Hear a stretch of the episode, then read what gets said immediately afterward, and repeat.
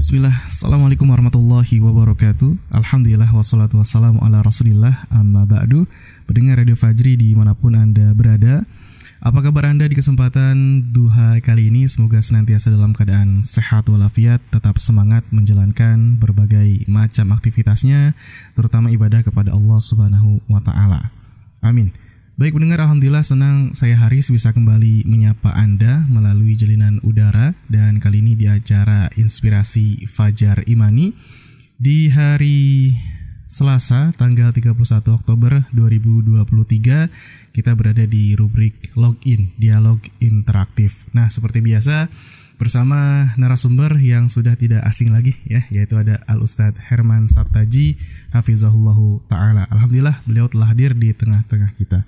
Assalamualaikum warahmatullahi wabarakatuh Ustadz. Waalaikumsalam warahmatullahi wabarakatuh Kang Haris dan ya. pendengar Fajri di mana saja Anda berada. Mudah-mudahan sehat semua selalu ya. Amin ya. Ustadz sehat saja. Ya? Alhamdulillah. Alhamdulillah. Baik. Ya.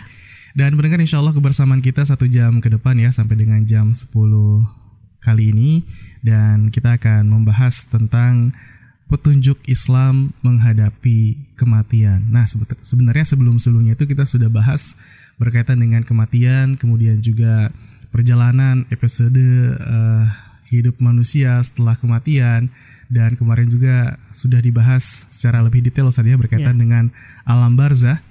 Nah, sebelum kita lanjut lagi ke detail-detail episode-episode apa namanya perjalanan hidup manusia di alam akhirat, kita akan mempersiapkan dulu nih bagaimana yeah petunjuk Islam menghadapi kematian. Dan silakan bagi Anda pendengar yang ingin bergabung, yang ingin bertanya, ya berdiskusi lebih lanjut berkaitan dengan kematian ini, silakan bisa ke 0811 1110 993 SMS, WhatsApp, Telegram, dan juga bisa ke Facebook Radio Fajri.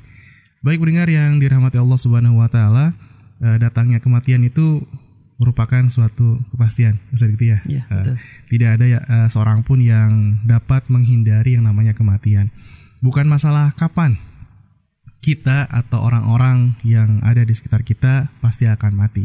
Namun dalam kondisi seperti apa, dalam keadaan seperti apa kita akan mati dan bagaimana seharusnya kita menyikapi kematian orang-orang di sekitar kita. Nah, di kesempatan kali ini di acara Inspirasi Fajar Imani di rubrik login dialog interaktif kita akan membahas petunjuk Islam dalam menghadapi kematian. Nah, Ustadz yeah. sebelum diuraikan, mungkin bisa diberikan pengantar dulu, yeah. bisa dijelaskan dulu mungkin pentingnya kita membahas terkait dengan hal ini. Ya. Yeah. Bismillah, alhamdulillah, wassalatu wassalamu ala nabiyina Muhammadin wa ala alihi wa sahbihi wasallam, amma ba'du. Baik, Kang Haris dan juga pendengar Fajri di mana saja Anda berada, ini adalah pembahasan yang kesekian kalinya kita membahas tentang peristiwa-peristiwa alam akhirat dan salah satu peristiwa alam akhirat itu adalah dimulai dari kematian ya. Karena kematian ini juga termasuk di dalam pembahasan tentang kiamat ya. Sebagaimana disebutkan oleh para ulama man mata uh, waqad qamat kiamatuhu. Siapa yang sudah meninggal dunia maka sesungguhnya kiamatnya sudah terjadi gitu ya. jadi ini adalah kiamat sugro. Dan ini sekali lagi ini penting bagi kita untuk uh, selalu mengingat-ingat ini bahwa pada suatu hari kita akan meninggal dunia. Dan pengingatan ini ya kemudian ini akan memberikan sikap yang positif bagi kita. Yaitu yang pertama kita akan semakin giat di dalam beribadah kepada Allah Subhanahu wa taala. Tidak akan menunda-nunda ya. Tidak akan menunda-nunda ketaatan karena kita tidak tahu apakah besok hari lusa kita masih diberikan kesempatan oleh Allah Subhanahu wa taala untuk hidup di dunia ini. Yang kedua, dengan mengingat kematian, niscaya kita akan bisa lebih semangat untuk menjauhi kelalaian dan kemaksiatan. Ya. Dan yang ketiga, dengan banyak mengingat kematian ataupun alam akhirat akan menjadikan kita orang-orang yang qanaah, ridho dengan ketentuan Allah Subhanahu wa taala, ridho dengan pemberian dari Allah Subhanahu wa taala. Maka ini sesuatu hal yang penting sekali bagi kita dan uh, ini adalah pembahasan yang kesekian kalinya dan sudah kita bahas bahwa kita meyakini ya secara akidah kita kita meyakini Allah Subhanahu wa taala firman A'udzubillahi minasyaitonirrajim kullu nafsin dha'iqatul maut wa innama tuwaffawna ujurakum yaumal qiyamah. Tiap-tiap yang berjiwa pasti akan merasakan mati. Sesungguhnya pada hari kiamat sajalah nanti akan disempurnakan pahala kalian. Ini jelas sekali. Allah Subhanahu wa taala mengatakan setiap yang berjiwa, setiap yang bernyawa pasti akan merasakan kematian. Ya. Dan secara empiris, secara pengalaman pun, ya orang-orang yang dulunya gagah, ya yang seolah-olah fisiknya itu benar-benar sempurna pun akhirnya kemudian menua, melemah dan kemudian meninggal dunia. Ya. Uh, mungkin ada orang yang dikaruniai oleh Allah Subhanahu wa taala umur yang panjang. Ketika kita bertanya berapa usianya? 70, 80 tahun. Kita terkagum. 70, 80 tahun masih segar kayak gini. Tapi nanti dia akan terus bukan berarti ketika 70, 80 tahun dia akan seperti itu. Ya, lama kelamaan akan menua dan akhirnya kemudian akan meninggal dunia. Ya. Jadi ini pasti satu kematian dan tidak bisa dihindarkan oleh manusia mana pun. Ya, walaupun dia memakai baju besi, walaupun bersembunyi di mana pun, ya, di dalam gua kah, di dalam samudra kah, malaikat maut bisa menjemputnya dan bisa menemuinya. Sebagaimana Allah Subhanahu wa taala berfirman, "Aina ma takunu yudrikumul maut walau kuntum fi burujim musyayyadah." Ya, di mana pun kalian berada, niscaya kematian akan mendapatkan kalian meskipun kalian berada di dalam benteng yang tinggi lagi kokoh. Jadi ini adalah satu keniscayaan, suatu kepastian yang akan terjadi pada diri kita, terjadi pada orang-orang di sekitar kita ataupun juga orang lainnya. Oleh karena itu, ya, kematian ini tidak mengenal status sosial, tidak mengenal jenis kelamin, tidak mengenal tempat, ya pasti akan terjadi. Ada orang yang meninggal dunia dalam keadaan uh, berperang ya seperti saudara-saudara kita kaum muslimin yang kita doakan mereka selalu diberikan keselamatan oleh Allah diberikan kesembuhan bagi mereka yang terluka dan juga dianugerahkan kesyahidan bagi mereka yang wafat uh, saat Zionis Israel membombardir negeri Palestina ya ada yang meninggal dalam keadaan di medan perang tapi orang yang hidup dalam keadaan damai, tidak ada peperangan, tidak ada perkelahian pun, ya itu bisa meninggal dunia. Ya, jadi ini adalah suatu keniscayaan, suatu kepastian. Oleh karena itu, ya sebelum itu terjadi, maka lebih baik kita mengikuti tuntunan Islam bagaimana cara kita mempersiapkan kematian, baik untuk diri kita maupun untuk keluarga kita ataupun orang lain. Agar selalu selalu dari sisi kehidupan kita semuanya diridhoi oleh Allah Subhanahu wa taala. Ya, demikian Haris ya. Iya. Baik, demikian pendengar di mana pun berada. Uh, setiap orang itu pasti akan merasakan kematian walaupun kita sembunyi di dalam benteng uh, pergi ke samudera yang tidak terjangkau oleh manusia ini malaikat maut pasti akan bisa menjemput ya dan kalau mau bicara tentang kematian Ustaz ya yeah. Uh, orang mati itu uh, variatif Ustaz ya ada yang mm -hmm. mati karena memang sudah cukup Waktunya ya udah cukup, cukup usianya waktunya, ya. ada juga yang uh, biasanya ada yang meninggal karena uh, sakit dulu gitu, sakit Betul. yang berat, Betul. yang kayaknya udah susah nih untuk diobatin dokter hmm. kayaknya udah nyerah bapak usianya mungkin tinggal ada sebulan ya. lagi ya perkiraan ya perkiraan udah iya. diprediksi gitu kan. diprediksi. kan walaupun ya takdir Allah bisa juga berkata lain ada ya, banyak yang, juga yang setelah hmm, itu malah tambah malah, lama ya atau hmm, masih masih bertahan lama gitu ya iya betul nah Eh, bagaimana Ustaz uh, petunjuk Islam ketika seseorang itu sakit yang mungkin itu sakitnya tadi sudah didiagnosa sudah diberikan prediksi oleh dokter hmm. gitu ini kayaknya nggak bisa panjang lagi waktunya yeah. sudah uh, mendekatkan kepada waktu kematian ini hmm. kira-kira petunjuknya gimana nih Ustaz? Iya baik ya ketika seseorang dia ditertimpa sakit yang pertama tentu saja dia harus sabar ya kita harus sabar kita juga kalau menerima Eh, keadaan sakit kita harus bersabar ya bahwa yakinlah kesabaran ataupun rasa sakit ini adalah suatu hal yang baik ya. Suatu hal yang dikehendaki oleh Allah Subhanahu wa taala untuk meninggikan derajat kita untuk kemudian menjadi ladang pahala bagi kita ya. Dalam sebuah hadis Rasulullah mengatakan tidaklah seorang mukmin dia mengalami kesakitan ya mengalami keresahan bahkan sampai tertusuk duri kecuali ya atas dasar itu diampuni dosa-dosanya atau kesalahan-kesalahannya. Jadi sikap kita adalah sabar husnudzon kepada Allah Subhanahu wa taala, terus berdoa ya moga Allah Subhanahu wa taala memberikan uh, kesembuhan untuk kita Karena walaupun tadi ada hikmah di balik sakit, tentu peluang untuk melakukan amal kebaikan, amal soleh itu lebih besar ketika kita sehat. Ya, kita sehat kita bisa sholat berjamaah di masjid yang pahalanya 27 derajat dibandingkan sholat sendirian. Ya, kita bisa menuntut ilmu. Ya, yang di di sana dikatakan penuh keberkahan, malaikat rahmat membentangkan sayapnya gitu ya. Dan itu kan tidak bisa ketika kita tidak eh, ketika kita sedang sakit. Jadi kita berdoa kepada Allah diberikan kesembuhan dan juga berobat ya berobat untuk menempuh kesembuhan itu. Karena itu adalah salah satu sebab yang di, di, disyariatkan untuk ditempuh bagi orang-orang yang sakit ya. Tetapi misalkan ya ketika kita ataupun keluarga kita ada satu yang terkena penyakit atau sakit yang sangat berat sekali. Sudah bertahun-tahun bahkan tubuh semakin lemah. Ya ini mungkin salah satu tanda bahwa kematian itu akan semakin dekat maka oleh karena itu ada tuntunan ya dalam Islam bagaimana ketika kita menghadapi sakit yang berat atau sakit yang diprediksi bisa mengantarkan kepada kematian. Ya, apa saja? Selain sabar tadi ya, yang pertama adalah kita tidak mengharapkan kematian. Ya, kita pengennya tetap ya diberikan kesembuhan oleh Allah Subhanahu wa taala. Sebab tadi kita katakan kalau sembuh banyak sekali amal-amal soleh yang bisa kita lakukan. Ya ketika badan kita sehat. Jadi jangan e, mengharapkan kematian karena ingin lari ya, ingin nggak sakit lagi kan ya.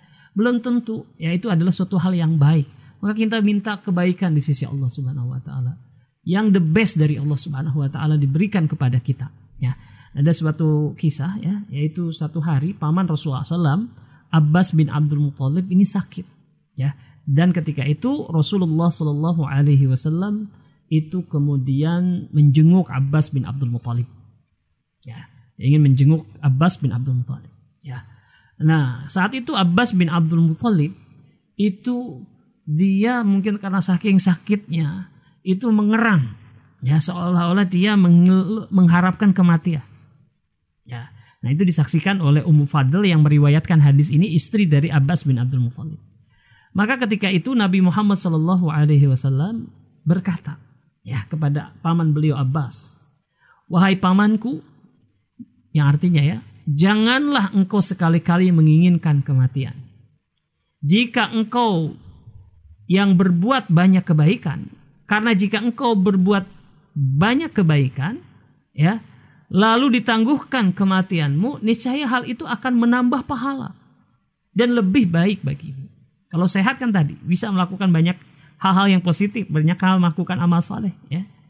Jika engkau banyak berbuat dosa di masa lalu, kemudian ditangguhkan ajalmu, ya, maka engkau bisa bertobat dari dosa-dosamu. Yang demikian itu lebih baik bagimu daripada mengharapkan kematian. Ya, oleh karena itu, janganlah engkau mengidam-idamkan kematian. Ya, jadi keadaan sehat, hidup, ya, itu jauh lebih baik dibandingkan dengan keadaan sakit-sakitan dalam keadaan ya tadi kematian, mengharapkan kematian. Karena belum tentu ya ketika seorang dimatikan ya uh, dia mengalami kematiannya itu beres. Dia harus mempertanggungjawabkan. Berarti berhenti juga amal solehnya, gitu ya. Nah, maka selama kita masih diberikan nyawa oleh Allah Subhanahu wa taala, malaikat maut belum datang menjemput kita, maka yang harus kita lakukan adalah uh, berhusnudon kepada Allah, memohon kesembuhan, ya. Uh, nah, setelah itu bersabar, ya menunggu ketentuan yang terbaik dari Allah Subhanahu wa taala. Ini yang pertama ya, yaitu jangan mengharapkan kematian, jangan mengidam-ngidamkan kematian, gitu ya. Mengidam-ngidamkanlah kebaikan untuk kehidupan dunia dan akhirat kita, ya. Ini yang pertama. Yang kedua, nah, kalau misalkan kita menderita satu sakit ya, atau keluarga kita ada yang sakit, ibu bapak kita yang sakit, maka segeralah tunaikan amanah-amanah yang ada di diri kita. Karena memang ya boleh jadi Allah Subhanahu wa taala menyembuhkan kita, tapi bisa jadi Allah Subhanahu wa taala menghendaki kematian untuk kita. Ya, maka kalau ada sangkutan-sangkutan, kewajiban-kewajiban ya maka segeralah kita tunaikan ya Apa itu ya misalkan orang kita dititipin barang, kita dititipin uang gitu ya, maka segera kembalikan.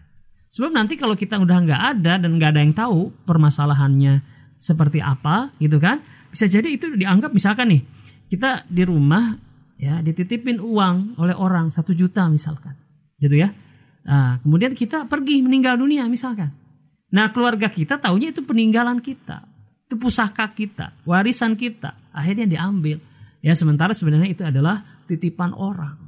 Jadi kalau kita punya amanah segera ditunaikan. Termasuk di sini adalah hutang. Ya. Kita pastikan ketika kita berhutang ini harusnya dicatat. Ya. Kita hutang ke siapa saja, waktunya kapan, ya berapa. Kalau barang juga ditulisin ya nilainya ataupun juga uh, beratnya atau apa uh, nilainya tuh seperti apa. Ya. Nah, ini kita simpan baik itu sebagai surat wasiat ya yang nanti kalau misalkan ada apa-apa dengan kita keluarga kita gampang menemukannya atau kita bilang kepada keluarga kita kita bilang kepada istri kita kita bilang kepada anak-anak kita gitu ini ya eh, bapak punya utang kepada pamanmu kepada adik papa. Sekian. Ah nanti ini ini saksinya kalian ya gitu ya. Nah nanti ketika kita ada apa-apa kan akhirnya istri kita keluarga kita suami kita itu tahu bahwa kita punya utang. Gitu ya. Nah, jadi hutang, amanah ataupun wasiat orang yang belum kita tunaikan, kita tunaikan, ya. Ya jadi boleh jadi Allah menyembuhkan kita kembali dan kita bisa menunaikan itu. Ya tapi kalau tidak ada, kita nggak sanggup untuk menunaikan itu, nanti keluarga kita yang insya Allah Taala akan menanggungnya. Ya, ini yang kedua. Ya, yang ketiga adalah segeralah bertobat kepada Allah.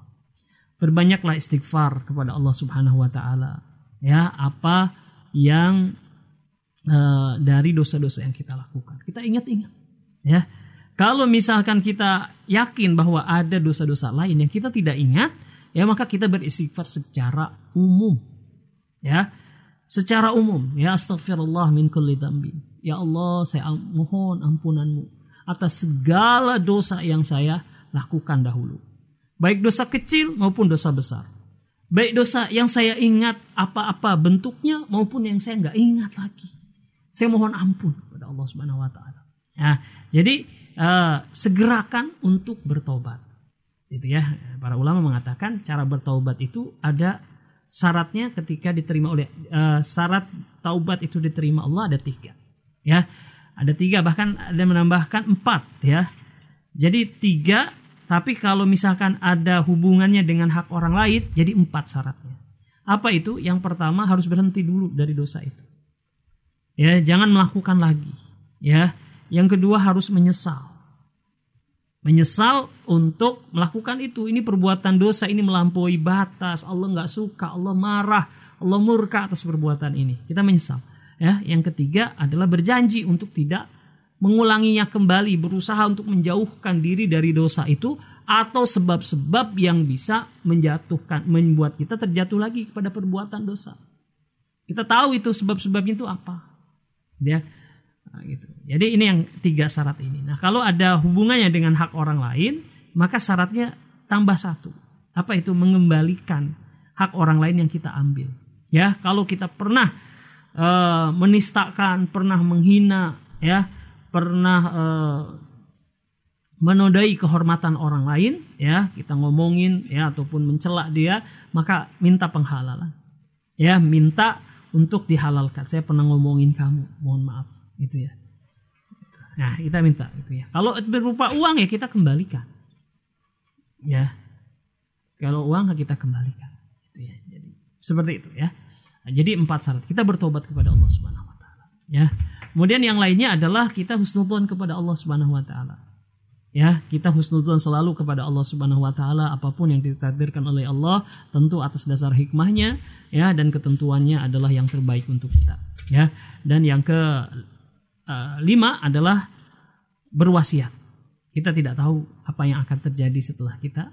Ya setelah sakit ini maka kita tuliskan wasiat kita. Baik wasiat itu tentang harta kita tentang agama kita tentang apa saja kita tuliskan. Atau kita sampaikan pada orang lain.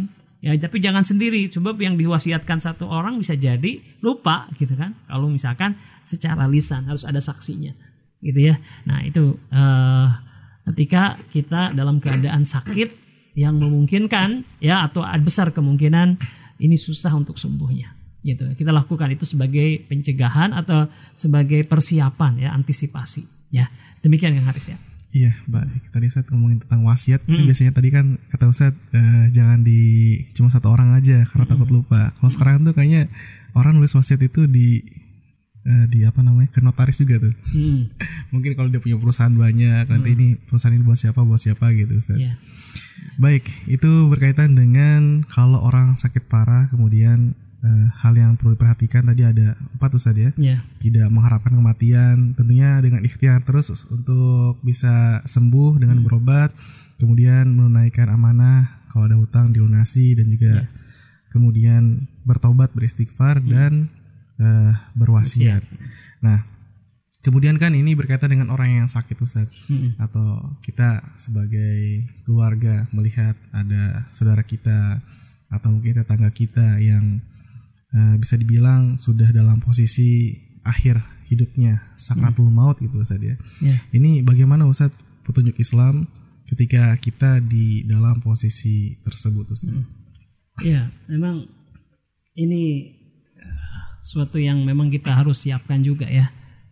Bahwa ketika mungkin di satu kesempatan kita menemui keluarga kita orang yang kita sayangi ataupun mungkin kejadian tak terduga ya. Misalkan di jalan kita melihat orang dalam keadaan sekaratul maut karena kecelakaan ataupun yang lainnya maka sebagai seorang muslim kita perlakukan mereka dengan sebaik-baiknya dan sesuai dengan ketentuan Islam Nah, apa saja itu ketika kita menghadapi orang yang dalam keadaan sakaratul maut ya. Yang pertama berusaha untuk mentalkinkan, menuntun orang untuk bisa mengucapkan kalimat tauhid yaitu kalimat la ilaha illallah ya. ya. Jadi kita mentalkin artinya adalah menuntun untuk bisa mengucapkan kalimat tauhid yaitu la ilaha illallah. Ya. Nah, jadi misalkan ada orang yang sakit ya ataupun napasnya sudah sangat berat, matanya sudah melihat terus ke atas, ini tanda-tanda. Ya. Uh, kemudian juga mohon maaf ya, kakinya sudah mulai tegang, ya paha-pahanya ataupun betis-betisnya sudah mulai menyilang. Nah, ini adalah tanda-tanda seorang itu akan sedang dalam keadaan sakaratul maut maka kita bantu untuk bisa mengucapkan kalimat la ilaha illallah. Kenapa kok harus mengucapkan kalimat la ilaha illallah atau uh, seharusnya bisa mengucapkan la ilaha illallah? Karena ini besar Pak faidahnya. Ya, dalam sebuah hadis Rasulullah mengatakan, "Man kana akhiru kalamihi la ilaha illallah dakhalal jannah." Siapa yang ucapan terakhirnya adalah la ilaha illallah, maka dia akan masuk surga. Gitu ya. Dia akan masuk surga. Jadi ini kita jadi tuntunlah secara pelan-pelan ya bisikkan di telinganya ya kemudian gerakkan lidah kita supaya orang yang sedang dalam keadaan sakaratul maut tersebut bisa mengucapkannya. Pelan-pelan gak usah terburu-buru ya. Jangan membebani bahkan jangan memaksakan gitu ya. La ilaha illallah. Ya wahai ibu wahai bapak wahai paman wahai kakak wahai teteh ucapkan la ilaha illallah. Pelan-pelan. La ilaha la ilaha illallah ya. Sampai dia bisa mengucapkan gitu ya. Nah, nanti akan dipermudah oleh Allah Subhanahu wa taala untuk mengucapkannya. Tapi tentu ya tadi salamnya adalah untuk mengucapkan la ilaha illallah gitu. Nah tapi kalau misalkan yang apa namanya uh, itu kan buat orang yang terbiasa ya ataupun orang Islam ya. Tapi kalau misalkan yang meninggalnya orang kafir ya juga kita tawarkan juga masuk Islam kalau ada kesempatan seperti itu. Nah, karena Rasulullah SAW juga pernah menawarkan Islam kepada seorang pemuda Yahudi yang sedang dijenguk sakit.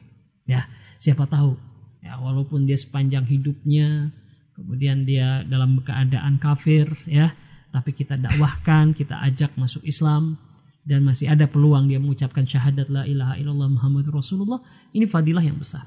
Yang buat orang itu berarti dia uh, statusnya dari kafir menjadi orang muslim. Dari orang kafir menjadi orang mukmin yang beriman kepada Allah.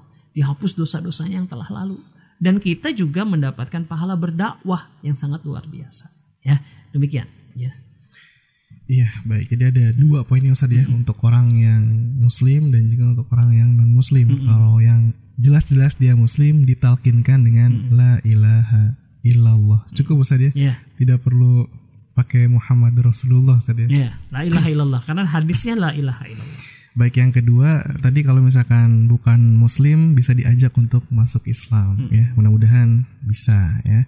Baik, kemudian Ustadz setelah proses sekratul maut kita sudah apa namanya mencoba untuk mentalkinkan. Nah, kemudian malaikat di sudah diperintahkan oleh Allah untuk mencabut Hmm. eh, nyawa ruh si manusia ini. Ya, Nah, kemudian kan meninggal Ustaz.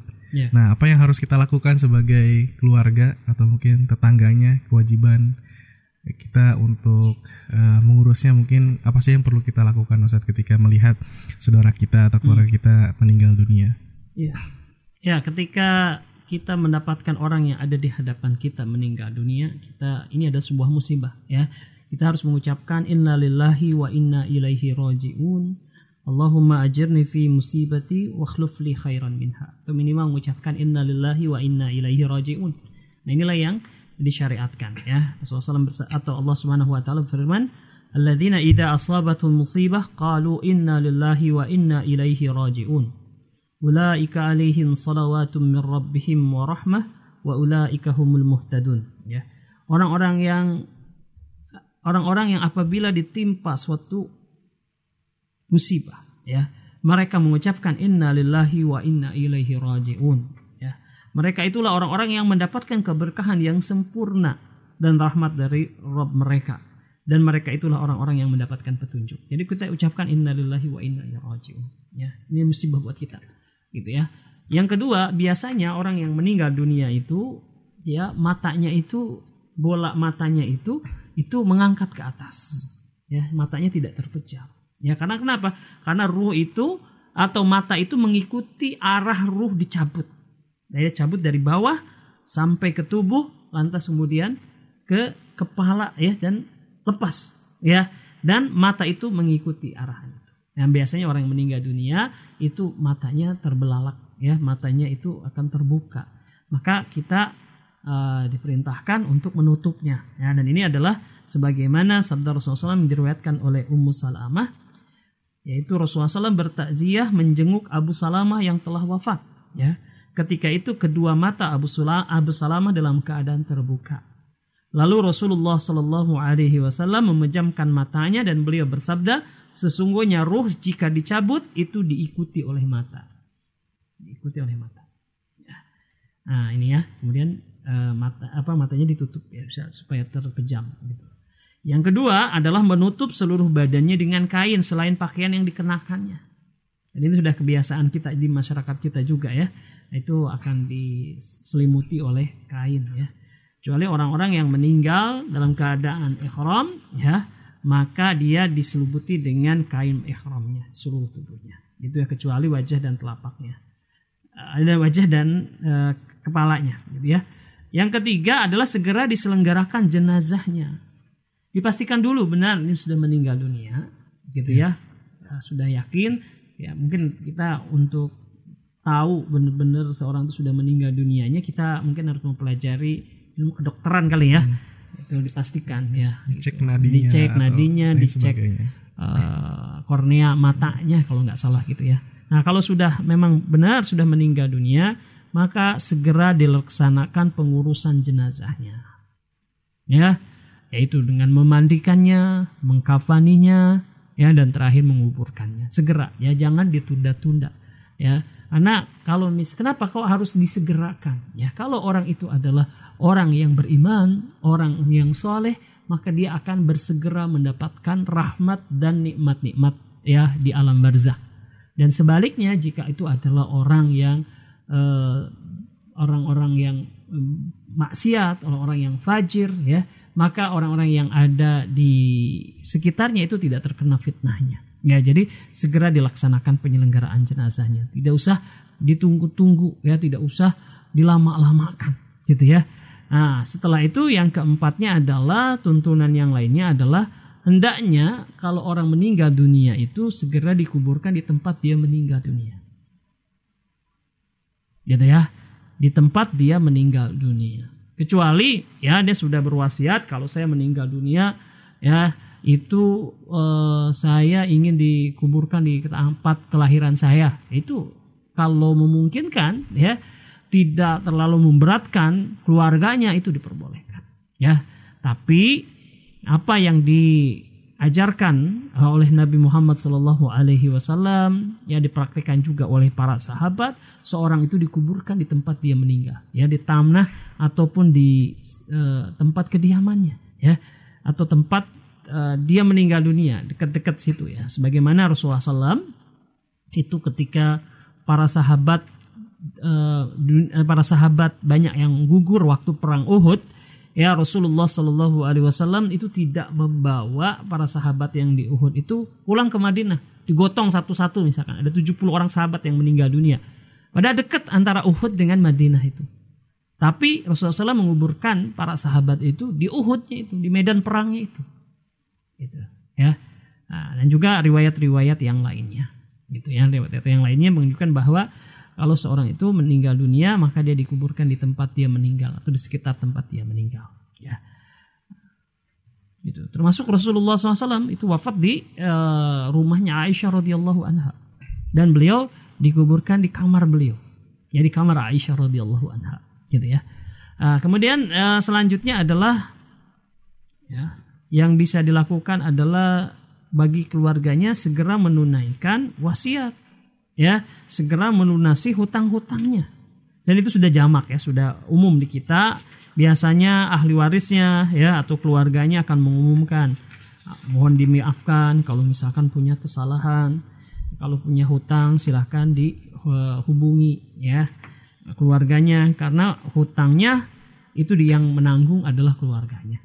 Atau bisa jadi gitu ya si mayit sang mayit ini sebelum dia meninggal dunia itu eh, apa namanya sudah menyiapkan gitu ya. Udah ini nanti tolong bayarkan uang saya sekian sekian sekian. Sudah ada gitu. Jadi maka diumumkan ya.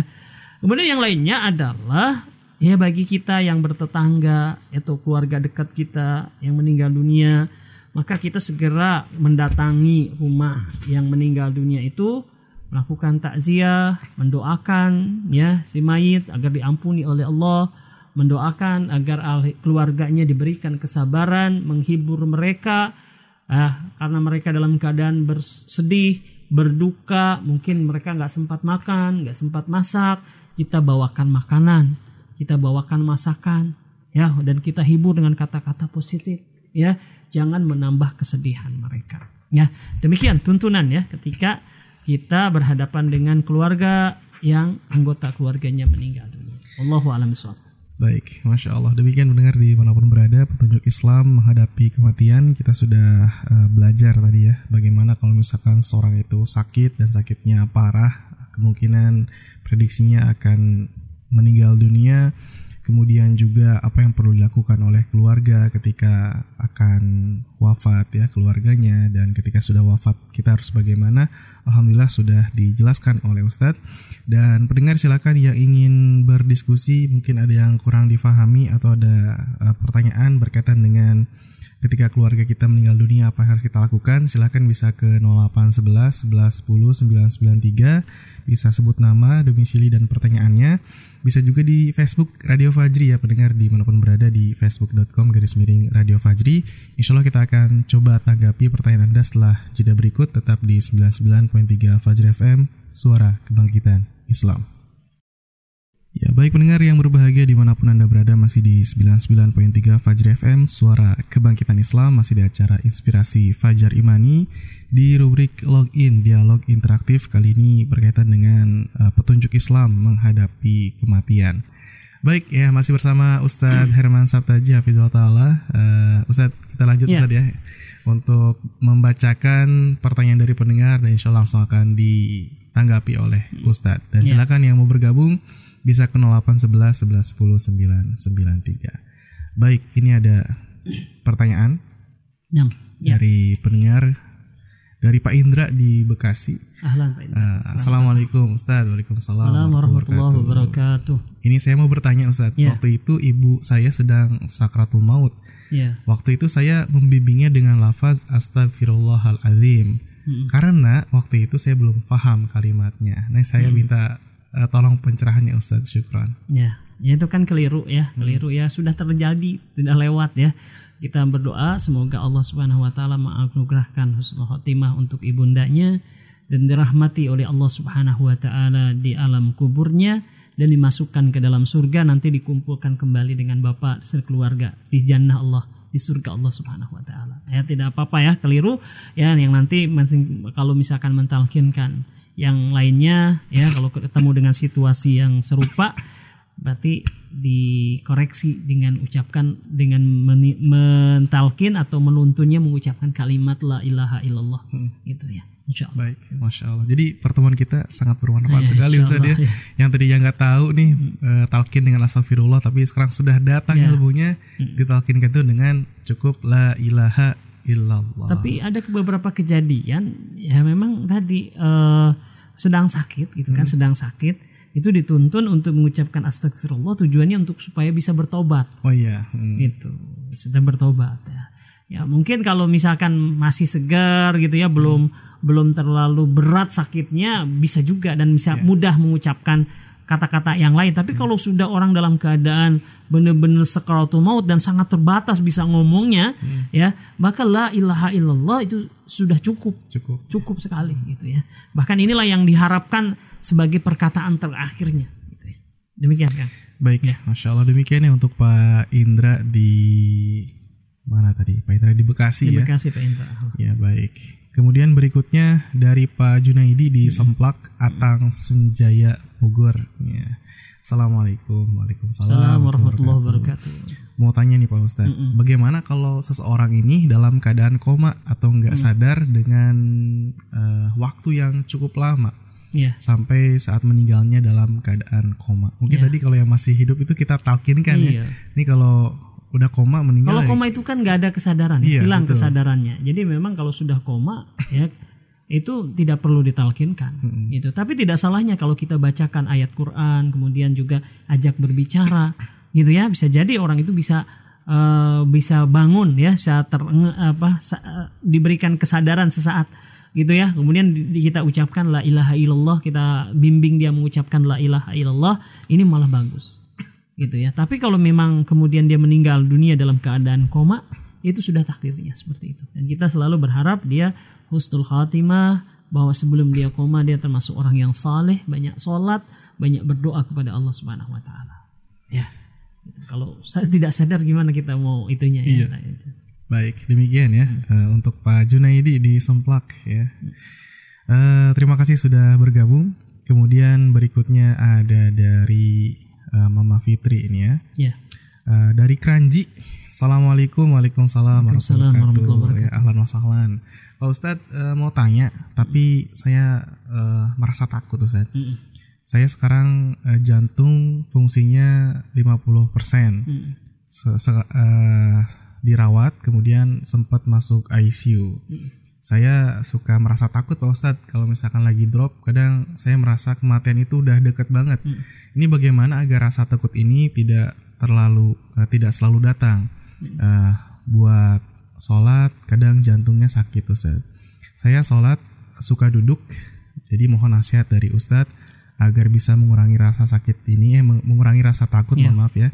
Semoga Allah mengampuni semua dosa saya, Ya. syukur. Jadi Ya. tadi eh, apa namanya, jangan, walaupun sakit jangan mengharapkan kematian, Ustaz jangan Iya, takut ya. betul, ya. Harus eh, ikhtiar untuk kesembuhannya untuk ini. sembuh. Dan jadi di eh, bahwa sakit ini adalah ujian dari Allah Subhanahu wa taala, tanda kasih Allah Subhanahu wa taala yang menginginkan agar dosa-dosa kita itu diluruhkan ya. Kata Rasulullah SAW dalam sebuah hadis beliau mengatakan ada dosa-dosa yang tidak bisa diluruhkan, tidak bisa dihapuskan dengan banyaknya sujud, tidak juga dengan banyaknya sodakoh ya tetapi bisa dihapuskan dengan sabar di atas musibah yang terjadi. Gitu ya. Jadi ketika kita mendapatkan sebuah musibah, berpikirlah ini adalah ketentuan dari Allah Subhanahu wa taala yang menginginkan kita itu dibersihkan dosa-dosa kita. Gitu kan? Nah, jadi kita uh, menjalani ini dengan penuh kesabaran, ya. Ikhtiar terus berdo- berobat gitu kan, menempuh jalan pengobatan gitu dan husnudzon kepada Allah Subhanahu wa taala. Yakinlah Allah Subhanahu wa taala akan merahmati orang-orang yang beriman. Ya. Jadi apa pun yang terjadi kita yakin bahwa Allah Subhanahu wa taala itu besar kasih sayangnya kepada kita. Ya, saat dulu waktu kita masih mungkin banyak kelalaian, Allah masih memberikan kesempatan untuk kita untuk bertobat. Ya, sekarang sakitnya pun kita dirasakan untuk bisa dekat kepadanya. Ya, ini semua kebaikan. Ya, dan episode-episode selanjutnya sampai dengan kematian kita, kita percaya Allah akan terus merahmati kita. Jangan mau ya digoda ataupun juga ditipu oleh setan. Ya yang kemudian menuntun kita untuk takut kepada Allah Subhanahu wa taala. Maksudnya tak bukan takut maksudnya untuk putus asa kepada rahmat Allah Subhanahu wa taala. Jangan ya. Kita selalu husnudzon kepada Allah. Apa yang Allah takdirkan untuk kita selalu adalah yang terbaik buat kita ya. Uh, jadi saya harapkan siapa saja yang sedang sedang diuji oleh Allah Subhanahu wa taala sakit selalulah berhusnudzon kepada Allah ya jangan sekali-kali kita suudon sama Allah Subhanahu wa taala. Harapkan yang terbaik dari Allah. Mohonkan Allah Subhanahu wa taala merahmati kita, ya, mohonkan kepada Allah Subhanahu wa taala agar Allah Subhanahu wa taala mengampuni dosa-dosa kita. Insya Allah taala semua orang akan melalui proses itu.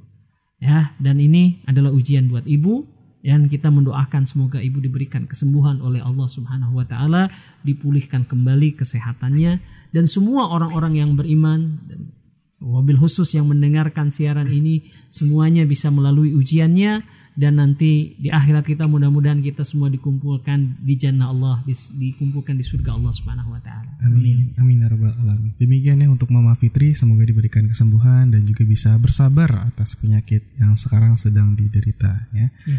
Baik berikutnya Ustaz hmm. uh, ada pertanyaan hmm dari Ibu Rani di Jagakarsa ini Assalamualaikum Waalaikumsalam warahmatullahi wabarakatuh. Pak Ustadz ya. apakah yang dimaksud dengan mati syahid dan ya. apakah orang yang mati syahid itu tidak mendapatkan pertanyaan di alam kubur Terima kasih Pak Ustadz atas jawabannya Tadi Ustadz ya. berkaitan dengan sakit juga uh, pernah dengar keterangan bahwa orang yang sakit juga ada beberapa yang dikategorikan sebagai kalau meninggal itu meninggal mati syahid Ustadz ya. ya. Nah, Silakan Ustaz.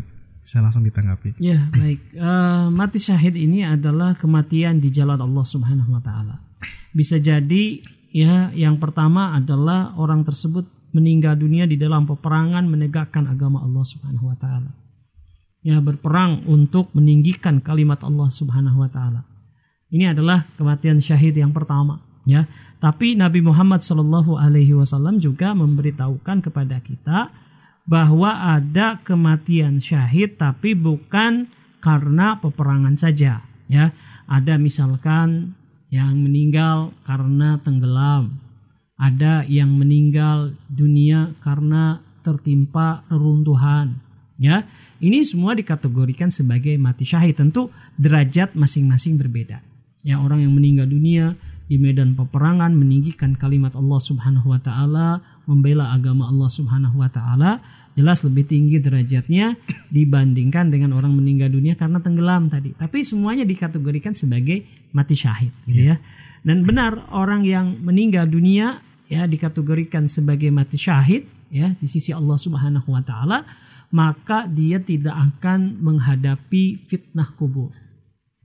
Ya, fitnah kubur. Dia akan bisa melaluinya gitu ya sebagaimana sabda Rasulullah SAW ketika beliau ditanya ya karena sejatinya semua orang eh, orang mukmin ya, orang kafir orang yang bermaksiat ya orang yang taat kepada agama Allah Subhanahu Wa Taala semuanya akan menghadapi fitnah kubur. Akan ditanya siapa Tuhanmu? Siapa apa agamamu? Siapa nabimu? Itu akan akan ditanya gitu kan? Tapi khusus bagi orang yang mati syahid, maka Allah Subhanahu wa taala akan membebaskan.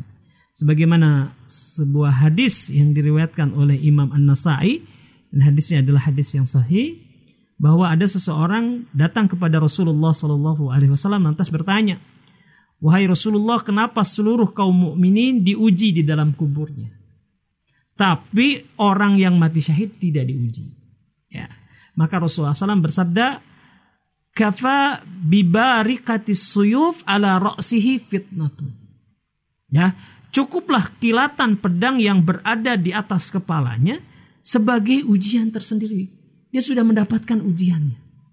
Ya kenapa? Yaitu ketika kilatan pedang itu menyambar-nyambar di atas kepalanya yang bahaya besar menimbulkan ketakutan yang luar biasa. Mungkin sekarang desingan peluru, dentuman, bom, gitu kan? Ini kan suatu ujian yang besar. Ya, nah itu adalah eh, sebagai pengganti atas ujian di kuburnya. Jadi kalau orang yang mati syahid itu tidak terkena fitnah kubur. Ya, sebagaimana hadis yang disampaikan tadi. Wallahu a'lam Iya, baik. Demikian ya penjelasan Ustadz. Eh, terima kasih sudah bertanya ya. Ibu Rani di Jagakarsa. Berikutnya Ustadz ya. uh, ada pertanyaan dari Ibu Fitri di Bogor Selatan.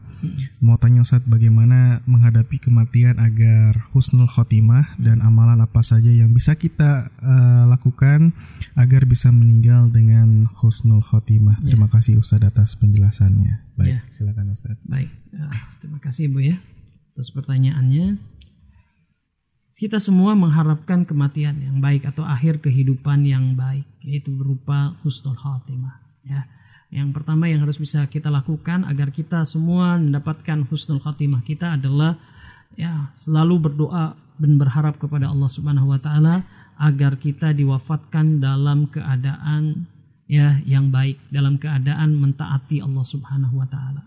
Ini ya kita berdoa kepada Allah Subhanahu wa taala. Gimana doanya? Ya kita doa saja ya dengan kalimat kita masing-masing yang termuda dengan kalimat ataupun doa ini kita tujukan kepada Allah Subhanahu wa taala. Ya. Bisa Allahumma inni as'aluka husnal khatimah ya Allah, aku mohon kepadamu husnul khatimah, kematian yang baik gitu ya. Nah, ini salah satu bentuk doanya atau doa dalam bahasa Indonesia, bahasa Sunda ya ataupun bahasa Arab pun boleh gitu ya. Nah, ini yang yang pertama harus dilakukan. Yang kedua adalah kita melazimkan istiqomah. Kita harus berusaha untuk senantiasa istiqomah di dalam ketaatan kepada Allah Subhanahu wa taala. Karena akhir kehidupan seseorang itu biasanya menunjukkan ya rekam jejak dia sebelumnya. Gitu. Jadi orang yang terbiasa di dalam ketaatan kepada Allah Subhanahu wa taala, insya Allah demikian juga dia diwafatkan dalam keadaan seperti itu.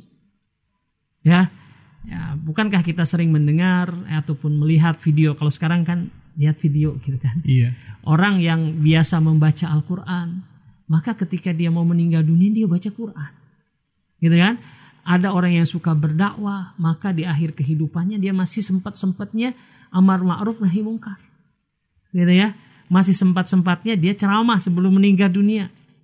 Ya, ini ya, yang yang biasa dilakukan. Tapi sebaliknya, kalau orang itu adalah orang yang uh, dia senang bermaksiat, gitu ya, menyanyikan lagu-lagu yang mengarah kepada kemaksiatan, itu bukan satu dua contoh ya, atau sering kita dengerin orang belum meninggal dia nyanyi dulu, gitu ya. Jadi kita berusahalah istiqomah kepada Allah Subhanahu Wa Taala ya nanti Allah Subhanahu wa taala akan tuntun kita meninggal dunia di atas jalan ketaatan kepada Allah.